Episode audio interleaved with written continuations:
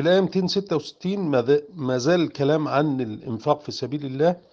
ومثال آخر أو مثل آخر يعني إيه، أيود أحدكم أن تكون له جنة من نخيل وأعناب تجري من تحتها الأنهار فيها خير كتير يعني فيها من كل الثمرات. وهذا الرجل أصابه الكبر لا يستطيع أن يعمل وذريته أولاده ضعفاء ما يقدروش يزرعوا. ف والحالة مستقرة على كده إن الجنة فيها نخيل وأعناب وفيها رزق كبير وهو ضعيف جه أصابها إعصار فيه نار فاحترقت فراحت الجنة دي.